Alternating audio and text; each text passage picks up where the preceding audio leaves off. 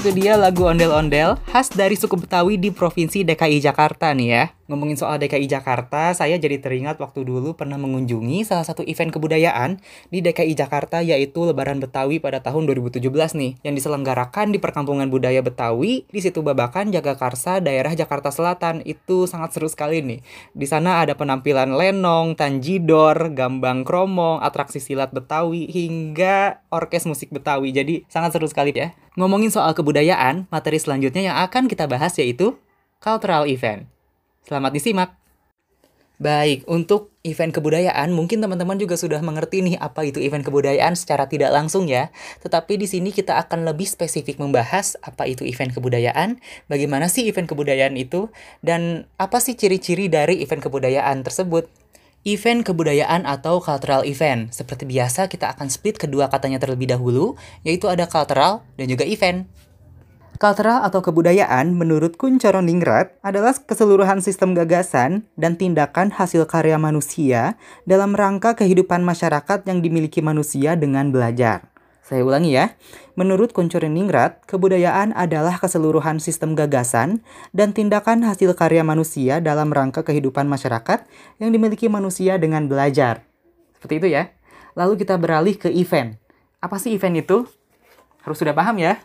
Event merupakan suatu bentuk peristiwa yang di dalamnya memiliki sebuah program yang akan dilakukan secara terencana untuk suatu tujuan.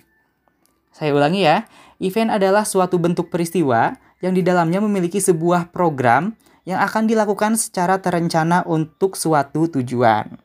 Kalau misalnya kita satukan, apa sih cultural event itu? Cultural event merupakan kegiatan yang identik dengan budaya atau memiliki nilai sosial yang tinggi dalam jalinan masyarakat. Saya ulangi ya, cultural event merupakan kegiatan yang identik dengan budaya atau memiliki nilai sosial yang tinggi dalam jalinan masyarakat. Jadi seperti itu ya. Paham sampai sini? Baik, dilihat dari pengertiannya, saya rasa teman-teman dari semua angkatan di ekowisata itu pernah melaksanakan ataupun mengikuti sebuah event kebudayaan. Bahkan teman-teman sampai menjadi panitianya. Dan salah satunya yaitu teman-teman Ekowisata 55 Bogor kemarin sudah melaksanakan event kebudayaan ya, yaitu Sunda Ismi kemarin. Lalu untuk yang kelas Sukabumi kemarin sudah melaksanakan juga yaitu Astamaya Basisir. Di mata kuliah ini kita akan pelajari lebih dalam nih bagaimana caranya pengelolaan sebuah event tersebut dan bagaimana sih batasan-batasan dan juga ciri-ciri dari event kebudayaan itu. Untuk selanjutnya nih, kenapa ada cultural event dibandingkan event-event yang lain? Kita lihat dari pengertiannya cultural event tersebut yaitu budaya ataupun ada masyarakat di situ. Kenapa ada cultural event tersebut? Dikarenakan masyarakat ingin menginformasikan bahwa ada nih ternyata kebudayaan di kami yang bisa diinformasikan kepada masyarakat luas misalnya. Lalu sebagai bentuk penghargaan kepada sesuatu hal, misalnya ada festival ini dihargai untuk seseorang dan ditujukan kepada seseorang. Seperti itu pun bisa. Jadi berbasiskan masyarakat dan juga sebagai bentuk penghargaan dan juga sebagai rasa syukur masyarakat terhadap kebudayaan yang telah didapatkan ataupun dilakukan selama ini. Seperti itu ya. Lalu kita masuk ke ciri-ciri dari cultural event. Nah, ciri-cirinya seperti biasa ya, event kebudayaan itu menjunjung tinggi kebudayaan masyarakat setempat. Lalu juga misalnya diadakan secara besar-besaran ataupun festival misalnya seperti itu. Banyak sekali penampilan-penampilan yang khas dari daerah-daerah tertentu. Misalnya ada penampilan kesenian dan lain sebagainya. Lalu juga dihadiri oleh beberapa ketua adat ataupun masyarakat-masyarakat setempat.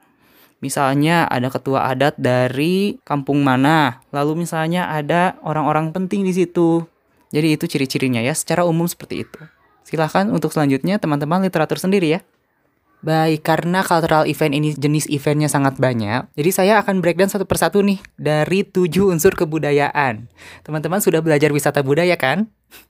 Baik, yang pertama ada bahasa, lalu yang kedua ada sistem pengetahuan, yang ketiga ada sistem organisasi, lalu yang keempat sistem perlengkapan hidup dan teknologi, lalu yang kelima ada sistem ekonomi dan mata pencaharian, yang keenam ada sistem religi, dan yang ketujuh kesenian. Kita akan bahas satu persatu ya. Baik teman-teman, pada saat menganalisis eventnya, teman-teman silahkan analisis dari tujuh unsur kebudayaannya terlebih dahulu. Misalnya event ini tuh masuk ke dalam unsur kebudayaan yang mana sih? Jadi seperti itu ya.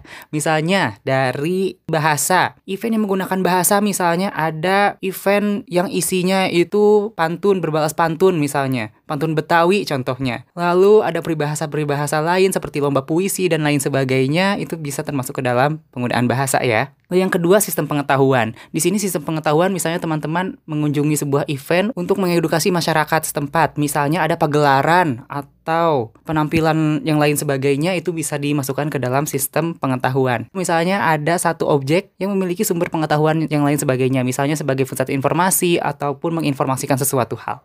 Lalu yang selanjutnya ada sistem organisasi. Misalnya ada menjelaskan tentang sebuah struktur kekeluargaan dari masyarakat setempat. Misalnya di sebuah event. Saya pernah mengunjungi satu event itu di Taman Mini Indonesia Indah. Ada yang menggunakan sistem organisasi sebagai tujuan utama pengenalan kepada masyarakat setempat. Jadi silahkan dianalisis sendiri ya. Lalu selanjutnya ada sistem perlengkapan hidup dan teknologi. Salah satu yang paling gampangnya adalah pagelaran ataupun pameran di museum. Misalnya di Munasain misalnya, diselenggarakan event misalnya eventnya digunakan untuk memberitahu masyarakat oh bahwa ternyata ada perlengkapan hidup misalnya ada teko, panci yang lain sebagainya dari zaman purba misalnya. Itu bisa dimasukkan ke dalam situ. Ada perlengkapan hidup dan juga teknologinya di situ, ya. Selanjutnya ada sistem ekonomi dan juga mata pencaharian. Ini sangat mudah sekali. Misalnya teman-teman dapat event tentang hari nelayan misalnya. Lalu ada event tentang pertanian untuk menjadi satu hari menjadi petani misalnya atau apa segala macam itu bisa dimasukkan ke dalam kebudayaan tersebut ya. Lalu selanjutnya ada sistem religi. Ini yang paling mudahnya teman-teman misalnya ada kajian ataupun event keagamaan yang lainnya itu bisa dimasukkan ke dalam event ini. Lalu selanjutnya kesenian. Kalau kesenian sangat banyak sekali ya, tidak usah saya jelaskan teman-teman juga saya rasa paham. Oke itu ya, tapi ingat batasannya. Batasan dari cultural event tersebut kita mengacu lagi kepada pengertian dari cultural eventnya, yaitu berbasiskan masyarakat atau menggunakan masyarakat setempat. Mudah ya? Baik, untuk selanjutnya saya akan berikan satu contoh cultural event yang pernah saya kunjungi dan juga saya terlibat di dalam acaranya. Yang pertama yaitu ada event dari Pelabuhan Ratu di Kabupaten Sukabumi, yaitu upacara adat Labuh Saji Pelabuhan Ratu atau biasa disebut sebagai Hari Nelayan. Lalu misalnya di luar negeri, saya pernah mengunjungi salah satu event yaitu Festival Songkran di Thailand. Jadi festival itu menggunakan air ataupun bermain air lah, lebih gampang disebutnya. Tetapi tujuannya berbeda pada saat dahulu kala festival Songkran ini digunakan sebagai air bekas mencuci sebuah patung ataupun alat ibadah yang lainnya yang percaya oleh masyarakat Thailand. Air tersebut akan dicipratkan ataupun dibasahi kepada para pengunjung yang datang agar diberkati ini. Jadi tujuannya seperti itu. Dan sangat seru sekali event-event kebudayaan yang lainnya di negara lain maupun di Indonesia. Seperti itu ya.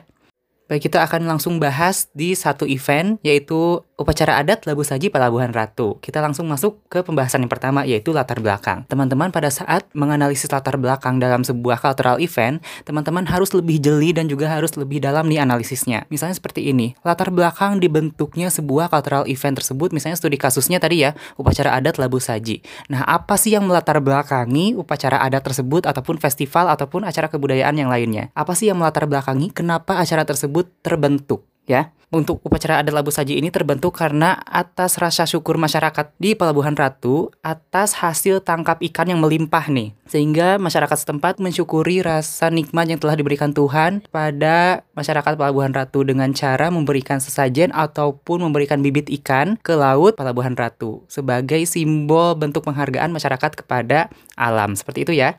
Lalu tujuan. Tujuan dalam sebuah event ataupun dalam cultural event dilihat ini mau ngapain sih si event ini. Seperti itu ya. Jadi tujuannya misalnya upacara adat labu saji yang tadi ya.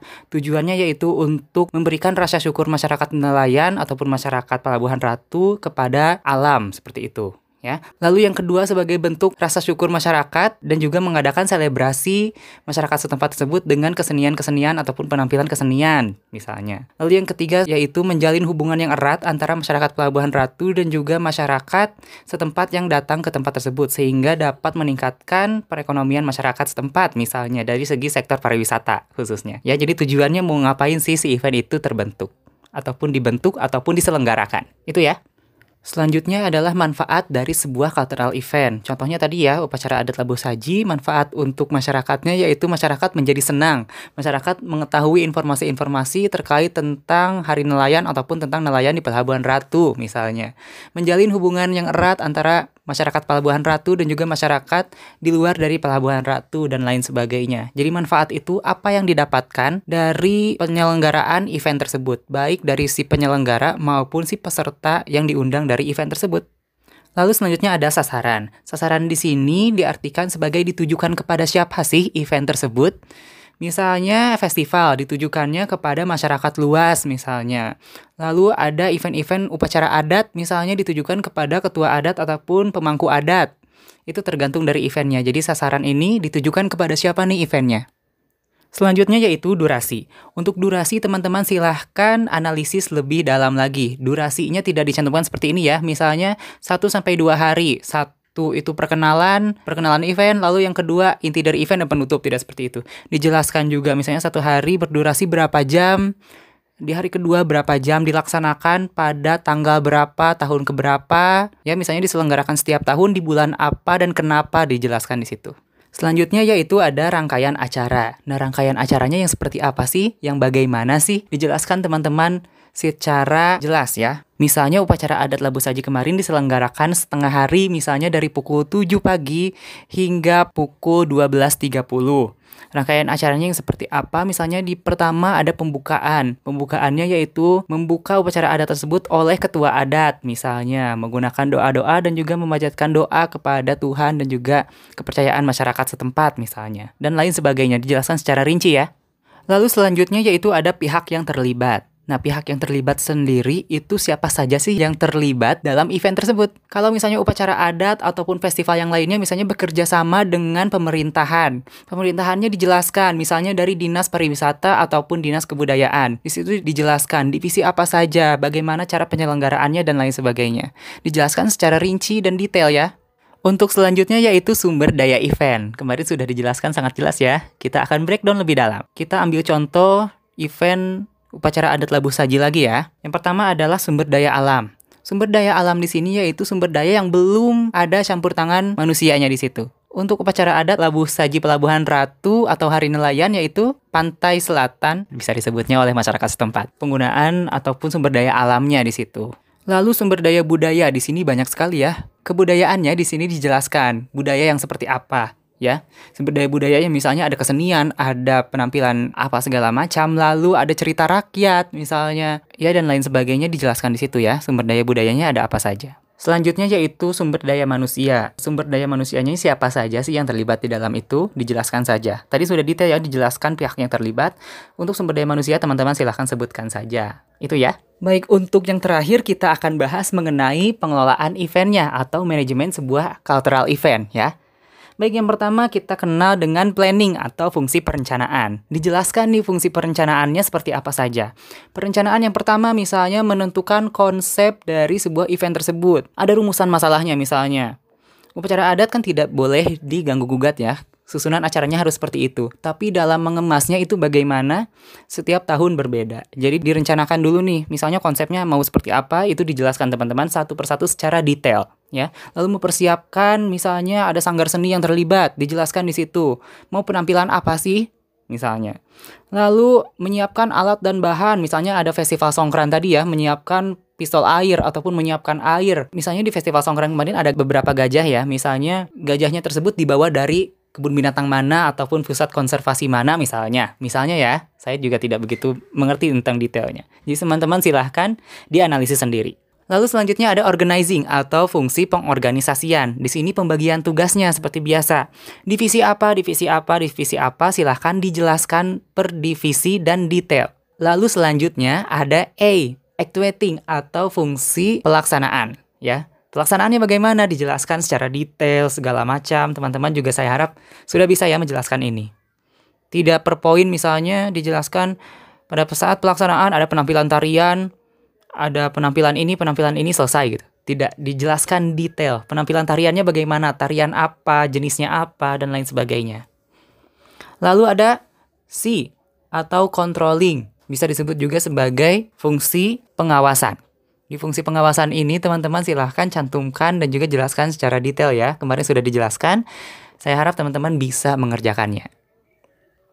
Lalu untuk e-evaluating, dan di sini karena saya misalnya sebagai pelaku dari sebuah event tersebut. Dijelaskan evaluatingnya seperti apa. Misalnya, masyarakat terlalu antusias sehingga pengawasannya kurang terjaga. Masyarakat mengganggu sesi dari sesi hiburan misalnya. Itu dijelaskan di situ teman-teman ya. Jadi teman-teman silahkan analisis sendiri. Cari literatur yang menurut teman-teman, oh ternyata ini bisa nih dimasukkan ke dalam evaluating. Seperti itu ya.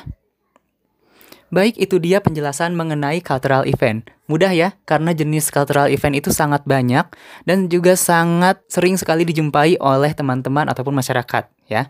Semoga bermanfaat. Silahkan teman-teman yang ingin ditanyakan seperti biasa dicatat di buku catatan teman-teman. Pada saat nanti sesi diskusi di praktikum, di jam praktikum ya, untuk kelas B di hari Senin dan untuk kelas A di hari Selasa. Silahkan teman-teman tanyakan apa bingungnya teman-teman pada saat mengerjakan mengenai cultural event. Saya harap teman-teman lebih antusias ya, karena materi ini sangat seru sekali untuk dibahas. Oke, itu dia. Sampai jumpa di pertemuan selanjutnya. Wassalamualaikum warahmatullahi wabarakatuh. Tetap semangat, tetap sehat. Sampai jumpa. Selamat malam.